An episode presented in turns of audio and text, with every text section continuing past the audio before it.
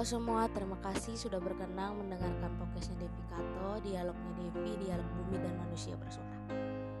Hari ini saya ingin bercerita tentang logika dan rasa. Yuk kita dengar ceritanya. Wisata kuliner memang mengubah lidah. Ada bakso, ada sate, ada empe-empe, ada soto, lalapan, ikan laut, dan sebagainya. Saya termasuk orang yang senang berkuliner bersama keluarga dan kawan. Apa yang dicari dari kuliner kalau bukan rasa? Apalagi kita tidak akan berpikir panjang apabila rasa dari kuliner sangat enak, betul kan? Hidup kita pun begitu. Apa yang kita cari? Adalah pikiran-pikiran dengan sejuta logika. Tentu tidak juga. Kita hanya mencari rasa, sedangkan rasa adanya di hati. Rasa apa yang kita cari? Senang, gembira, galau, sedih, ceria, gundah? Jawabannya tanyakan pada hati kita masing-masing.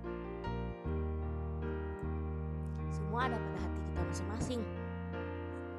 Logika kita mungkin sudah sampai pada waktu tiga tahun ke depan. Walau badan masih ada di sini logika bisa melampaui. Kita berangan-angan seandainya suatu saat nanti kita bisa menjadi ini dan itu. Mungkin akan senang berhenti sejenak. Logika kita terlalu jauh ke sana. Stop. Bisa saja ketika kita mendapatkan angan-angan itu lantas merasa senang masih belum terjadi. Itu hanya angan-angan. Semua angan-angan masih bisa terjadi dalam bingkai logika. Hayalan bukan realita. Benarkah angan-angan yang kita cari? Atau rasa setelah angan-angan yang kita dapati itulah yang sebenarnya? Ada di pikiran kita. Sepertinya kita mencari rasa bukan logika. Logika tidak memberi rasa, hanya memberitahu urutan cerita. Rasa tidak perlu urutan cerita. Kita saat ini sampai nanti mendapatkan hal yang kita cari. Rasa bisa menembus ruang dan waktu. Coba kalian bayangkan kadang melupakan hati untuk diajak mensyukuri momen yang momen kini atau saat ini. Benar gak? Pantas saja rasa itu enggar ber, enggan bertemu pada sanubarinya. Pikiran dibuat sibuk dengan pencapaian ini dan itu. Ambisi hingga hati menjadi pilu karena sudah tak berjumpa dengan tamu rasa yang ditunggu-tunggu. Wahai logika, istirahatlah sejenak. Hati mengajak untuk beranjak dari semua angan-angan yang membajak. Bila logita bila logita tak mampu melunak, cobalah tutup mata untuk berjedah sejenak.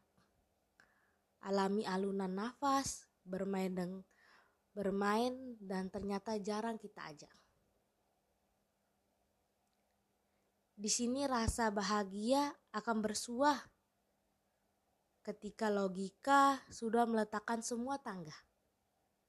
Gemuruh, angan-angan tak lagi menjadi jua. Mari buka pintu hati untuk menyambut tamu rasa. Syukuri apa yang ada dan yang pernah ada. Sanubari akan menari dengan riang seperti kicauan buru-burung bernada canda. Biarkan hati tertawa tak mengenal tangga-tangga. Logika yang terlalu rumit untuk dibawa. Karena kita belajar untuk mengenali mana rasa, mana logika. Yang jatuh cinta itu pikiran kita. Dia memang harus jatuh cinta untuk jatuh cinta dulu untuk bisa mengenal rasa.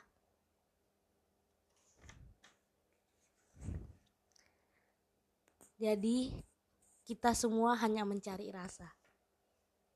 Terima kasih sudah mendengarkan podcastnya Devi Kato.